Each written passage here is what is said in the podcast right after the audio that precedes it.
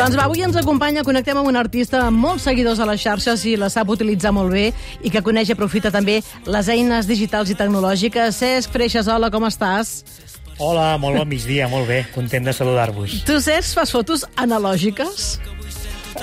Bueno, només faig fotos analògiques ara mateix. Uh, De veritat? Sí, però perquè em faig molt poquetes amb, amb els dispositius i tinc una... Tinc una... Un, no sé si puc dir la marca o Sí, no. però digues el que una, vulguis. Una Polaroid d'aquestes que s'ha posat com de moda en, en els darrers anys que, que fa la foto de manera instantània. I, bueno, de fet, clar, he dit només faig fotos amb, amb analògic, no, perquè evidentment en fem també amb digital i, i les, les poquetes que faig en digital a vegades les pengem a, a les xarxes, no? Però, però sí que m'agrada tenir uh, aquesta cosa de poder tocar, de poder olorar, de... soc una mica nostàlgic en aquest sentit i, i la Polaroid i tots els dispositius uh, analògics um, semblants no? donen aquesta possibilitat de tornar una mica cap al passat i, i tornar, diguéssim, a, a sentir que tens aquella cosa a les mans. No? És, fort, perquè saps què t'ha passat, Cesc, ara parlant? que has pensat en foto i has pensat en foto, una foto que s'agafa. I, I les Sí. coses que penges a les xarxes en digital no has considerat com a foto, no? En plan, són, són És fet, continguts, fa- no posts. No? Em faig molt poquetes, eh, de Clar. fet, de, de, de fotos, i sí que, evidentment, no, com a pare fas fotos als fills, fas fotos de moments. Clar. Potser faig més, faig més vídeos que fotos, Clar. Um, però la veritat és que em faig poquetes i, i no tinc gaire traça, tampoc, eh, per fer, per fer diguéssim, captures de moments. Ja fas bé altres fotos. coses. Escolta, què en penses de Mark Zuckerberg un dia com el d'avui?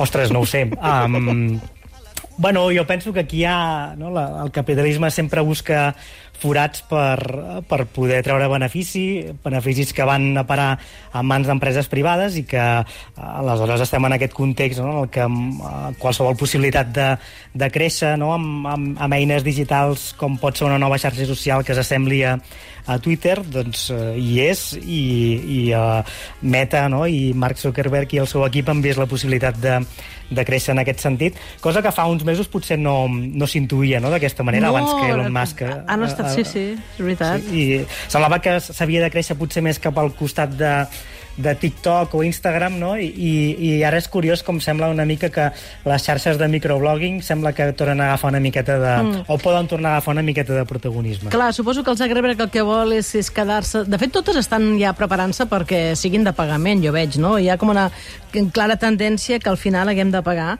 per estar a les Ah, xarxes totes, socials. totes no. No? Totes, totes no, no? Perquè si ens n'anem cap a l'univers, diguéssim, del programari No, lliure... aquí no obris trobem... aquest meló encara. No obris Val, aquest meló. d'acord. És interessant, eh, el meló, però, sí, i dolç. no, és que dedicarem tot l'espai a parlar d'aquest meló. Però abans del meló, um, crec que la nostra IA sap moltes coses de tu. Oi, oi. I li han preguntat a l'Enric qui és i què fa Cesc Freixes. Cantautor, escriptor i activista polític i cultural. És de Sant Pere de Riudevilles, al Penedès. Ara viu a les Terres de l'Ebre. Té 39 anys, 9 treballs discogràfics i 5 llibres de poesia, contes i rondalles. Spotify ens alerta que té concerts demà al Faslloc i el dia 13 a la plaça de la Pietat de Berga. Ara és un dels responsables de l'Aixeta, la plataforma de micromecenatge. I ara ens portem com una ombra enganxada al cos sense pesar. i hem obert aixetes i calaixos que hi brolla vida i llum. Veus que oportunista amb la nostra intel·ligència artificial. Ha esperat que diguessin l'aixeta. Que t'ha agradat Molt bé. això? Eh, ho hem fet Molt bé, ben eh? jugat. Molt Aquesta ben cançó amb la Montse Castellà, ja que has anat a viure a les Terres de l'Ebre. Sí, i tant. Però ara La no, no, Montse- ara no ets allà, no, per això? No, ara estic a, estic a Alacant, al Pinós, que és eh, el poble, diguéssim, més a l'oest on es parla català al nostre país. És, la meva parella és de, la meva companya és d'aquí i estem eh, passant, diguéssim, eh, aquests mesos de, de calor aquí. Un cop s'acaben les escoles, doncs sempre aprofitem per, per baixar cap, a, cap aquí al sud. I aquí en aquesta cançó has fet això, no? aquest vincle amb la Montse Castellà, no? Sí, exacte. Aquesta és una cançó que forma part de l'últim disc de la Montse, que és un disc que es titula Orgànic i que és un disc molt... Um, um, literalment molt ben parit, diguéssim. És un disc que, que fa referència a cada cançó a una part, a un òrgan del cos i en aquesta cançó em va, em va convidar a cantar. La Montse és una d'aquestes cantautores que coneix molt bé el territori, activista, una lluitadora incansable, i mm, ens ha fet una miqueta de... ens ha acollit molt bé a les Terres de l'Ebre i és una, un ple haver pogut col·laborar amb aquesta cançó que, curiosament, parla de xetes. Veus? Tot lliga. Escolta, Cesc, tu ets un fan del programari lliure. Creus que un altre món digital és possible fora de les grans tecnològiques? No? Tu ho tens claríssim, això.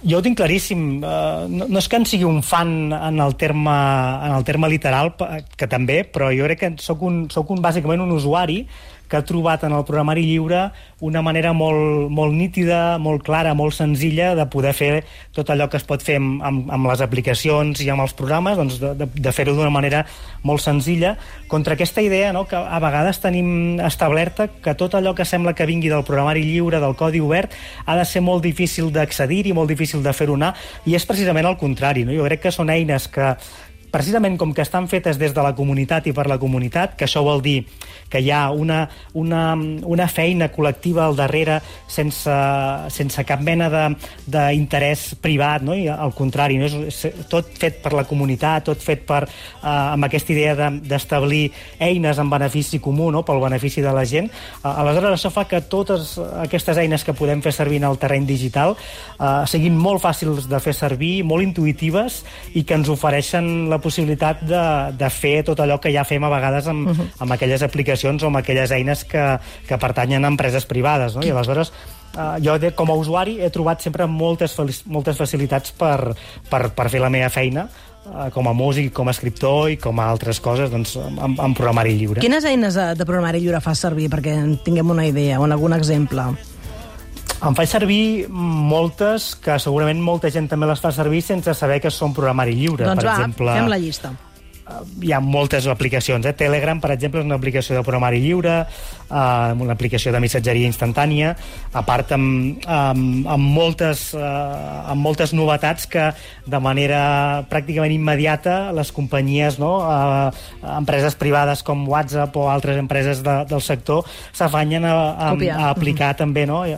perquè, perquè és una miqueta el que estàvem dient. Eh? Crec que des del programari lliure i del codi obert, com que es treballa amb aquesta idea de que el codi el pot veure tothom i, per tant, tothom pot fer millores, tothom pot fer adaptacions d'aquella obra, d'aquella aplicació o d'aquella eina digital, aleshores això fa que, que es creïn unes dinàmiques i unes sinergies eh, en la col·laboració que automàticament fan que les aplicacions vagin millorant i vagin creixent no? amb, amb, amb número de, de, de, de coses noves no? que es van implementant i aleshores Telegram és potser un exemple d'aquests que, que, que, que la gent a vegades fa servir o que tots podem fer servir sense saber que és programari lliure i en canvi és molt accessible Sí. no? i molt fàcil de fer anar. Després també tenim Firefox, no? Eh, Mozilla, que és diguéssim la, la companyia que hi ha darrere o la- la- l'associació la, que hi ha darrere, eh, té Firefox, que és un navegador web, després té Thun- Thunderbird, que és un, un, un client de correu electrònic que segurament molta gent també fa servir. La Viquipèdia, no? La Viquipèdia també és, Clar. està feta amb, amb programari lliure i pràcticament tothom consulta a dia d'avui la Viquipèdia per, per, per saber qualsevol qüestió en relació a qualsevol cosa. Uh, hi ha una altra aplicació o un conjunt d'aplicacions molt interessants eh, que és LibreOffice no? que, que, mm, que ofereixen diguéssim programes d'escriptura programes de, uh, en el terreny també de l'economia no? de, de, per establir doncs, eh, mecanismes de càlcul uh, per, per fer presentacions no? LibreOffice seria una altra gran um, És, és el que tu has dit, de... eh? Estic imaginant, gent escoltant i pensant, ah, jo faig servir això, no sabia que era Sí. programari lliure. No? Bueno, i, i, i és, en definitiva, aquesta idea a vegades ten- tendim a pensar que és molt difícil d'accedir a eines de programari lliure, però en canvi jo crec que moltes ja les fem servir en el dia d'avui. Sí. No? Avui, per exemple, llegia a Twitter no, que mm, algú li explicava al Francesc Garriga, no, que abans heu parlat amb Sí. ell, que accedís a Mastodon, no? en lloc de- d'accedir a aquesta nova aplicació de, de Meta, Threads, que sí. accedís a Mastodon, uh, i ell, d'alguna manera, no, um, feia servir aquesta argumentació de, de que Mastodon era molt complicat i que que això de Threads, no? de, de, de, de Meta, era molt més, uh, molt, molt més fàcil. No? I jo crec que és una idea um, um, equivocada, errònia, no? de, de, tot el, de tot el que té a veure amb el programari lliure, perquè Mastodon és um, l'única cosa complicada potser que té Mastodon és que tu has de triar el servidor, per tant has de triar uh, la manera en com et vols federar, diguéssim, a dins de- d'aquesta gran aplicació, però un cop has fet això uh, és mm, pràcticament idèntic a com funcionen la majoria de, de xarxes de microblogging. No? Estic, Ara de- mateix. Estic d'acord amb això de triar, has de triar a quin servidor vas, uh, però clar, d'altra Sí. banda, per exemple, Thread, ara, avui, es- estan tantes coses vinculades a Instagram que jo he vist, algun, he vist alguns tutorials eh, de- que han penjat gent als Estats Units de com es feia, i clar, estàs acceptant, acceptant, acceptant sense llegir res, eh, també, o sigui, vull dir que és, Clar, aquí- és Zuckerberg, eh? Aquí hi ha, aquí hi ha l'altre tema, no? que, que amb, amb el programari lliure i totes les aplicacions de codi obert, eh, aquí, diguéssim, no tenim cap empresa privada que que em faci una explotació capitalista. Per tant, aquí tenim, eh, per davant de tot, servei públic i benefici comú. Eh, per tant, vol dir, són eines que a les associacions o fins i tot els col·lectius que les estan treballant eh, ho estan fent sense ànim de lucre. Evidentment, són col·lectius i associacions que la gent que hi treballa cobra per la seva feina, però vol dir que els beneficis que se'n treuen eh, es, es reverteixen i reinverteixen en, en la pròpia aplicació. És a dir, aquí no hi ha cap associació, no hi ha cap col·lectiu que, que, mm, que aprofiti tots aquests beneficis que pugui generar qualsevol cosa no? de- que, que tingui a veure amb el programari lliure per treure'n un, un, un benefici privat. No? I aleshores, aquí com que no hi ha aquesta lluita eh, per aquest creixement desmesurat i constant i per anar buscant aquest benefici, amb, amb el programari lliure tenim que, eh, o sigui, tenim una, una, una, una manera d'entendre i de percebre tot allò que ens ofereixen aquestes eines que s'allunya, de, per tant, de la recopilació de dades i de, i de vendre no? totes aquestes dades que es van recopilant eh, per treure'n algun benefici, no? per, perquè al final les empreses han de viure d'alguna Estic cosa. mig convençuda, eh? Va, escolta, Cesc Freixas, i, i dedicarem una mica l'últim minut que ens queda de, de, de programa, sí. que encara tenim publicitat, perquè ens parlis de l'aixeta. Eh, L'any que ve, el 2024, a banda de fer-ne 40, celebres els 20 anys del teu primer concert amb la sortida del teu disc número 10, molts números rodons, um, i, i clar, i ara, a més a més, uh, estàs formant part de l'aixeta, estàs al capdavant de l'aixeta. Explica'ns una mica què és aquest projecte i qui s'hi vulgui inscriure també, no? Sí, la- l'Aixeta, mira, és una associació sense ànim de lucre, um, està feta amb codi obert, per tant, l'Aixeta parteix també del programari lliure. No hem alliberat tot el codi per un tema de seguretat, però ho farem properament. Uh, és una de les coses que jo tinc pendent i que, i que, i que vull convertir, diguéssim, l'Aixeta en una eina uh, de programari lliure al 100%.